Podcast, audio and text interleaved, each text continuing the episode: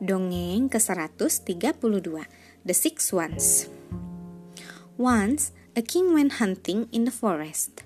He rode so fast that he left the hunting party far behind. As evening was falling, he realized that he was lost. An old witch came hobbling through the trees. I can show you your way home, she croaked, but on one condition. You must marry my daughter. The king looked around him desperately and saw nothing but trees and darkness. With a heavy heart, he agreed. The witch led him back to her hut, where her daughter was waiting. She was beautiful, but there was something about her that he that the king didn't like. He lifted the girl up on his horse, and the witch showed him the way to the palace, and they were married at once. Now, the king had been married before, but his wife had died. He had seven children, six boys and a girl, who he loved dearly. He did not trust his new wife and thought she might hurt them. So he did not tell her about them. He took the children to a castle which was built on an enchanted road. No one could find it without a special ball of wool that unraveled to show the way. There, the king thought the they would be safe. The king visited his children every day, and the queen grew angry that he left her at home alone so often. She went to the butler and tempted him with gold, and he told her about the children in the hidden castle and where to find the magic ball of wool. The jealous queen hurriedly made white shirts with, with an evil charm sewed into each one. Then she waited until her husband went out hunting one day and fetched the magic ball of wool and set off to the hidden castle. The children saw someone was coming and, thinking it was their father, they ran out to meet him. But as soon as the queen drew close, she threw one of the search over each one of them. Suddenly, they were changed into swans. Off they flew, up into the sky and away. The queen went home delighted, thinking she had got rid of her stepchildren. But the girl had not run out with her brothers. And the queen knew nothing about her. Next morning, the brave girl went out into the world to seek her brothers.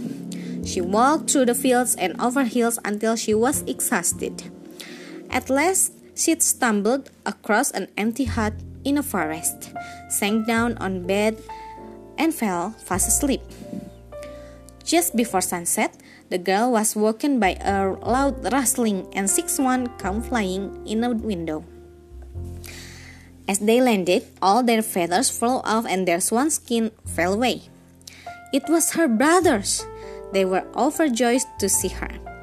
We are allowed to become human again for just a quarter of an hour every evening, they explained. Isn't there any way that I can break the spell? The girl asked them, sobbing. Yes, but it is too hard, her eldest brother sighed. For six years, you must go without speaking or laughing, and in that time, you must sew six shirts made of white flowers. If a single word escapes your lips, all your hard work will be for nothing. The quarter of an hour was over all too soon. The brothers changed back into swans and flew out of the window. Then the brave girl made up her mind to set her brothers free. The next morning, she went gathering flowers and began to sew. She could not speak to anyone, but there was no one to her to speak to she could not laugh, but she missed her brother too much. She couldn't laugh anyway. All she did every day was gather flowers and sew. When the girl had been hard at work for several months, a king came riding by. He thought she was very beautiful and asked her who she was and what was she was doing. Of course, the sad girl could say nothing. The king's heart swelled with pity and love. He put her upon his horse, gathered up her sewing, and galloped back to his castle. It wasn't long before the king had fallen deeply in love with the silent sad girl and married her. But the king's mother was far from pleased.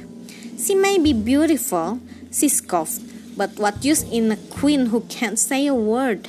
The woman did all she could to make her new queen feel unwelcome and look foolish. Months and years passed, and still the queen said nothing. Every day she gathered flowers and worked until her fingers bled, showing the certs. Eventually, the time came when she gave birth to a baby. One, one night, while she slept, the king's mother crept into her bedroom. She smeared the queen's nightdress with blood and stole the baby away. Then she told her son that the queen had killed their child. The king did not believe his mother's story, but his chief judge insisted that they must stick to the law. The queen would have to be burned to death. The next day, that very same morning that the queen's six years of silence and sewing were finally at an end. A huge bonfire was prepared. The queen had finished all six shirts except for a sleeve on the last one. She clutched them to her as she was brought out to be burned. Just as the chief judge was about to light the bonfire, six swans come swooping down through the air. The queen's heart leaped with joy and she threw the shirts upon them, one by one all, all the street as the shirts landed on their backs their swan skins fell off and they were finally back to their human form. All except her youngest brother who still had a swan's wing in place of one of his arms. The girl and her brothers kissed each other crying and she spoke at last Dear husband, she said to the astonished king, now finally I can speak. I never killed our baby. Search your mother's room, and I'm sure you will find him there. The king immediately sent servants to hunt for the child, and sure enough, they found him there safe and sound. In his fury, the king banished his mother from the kingdom forever.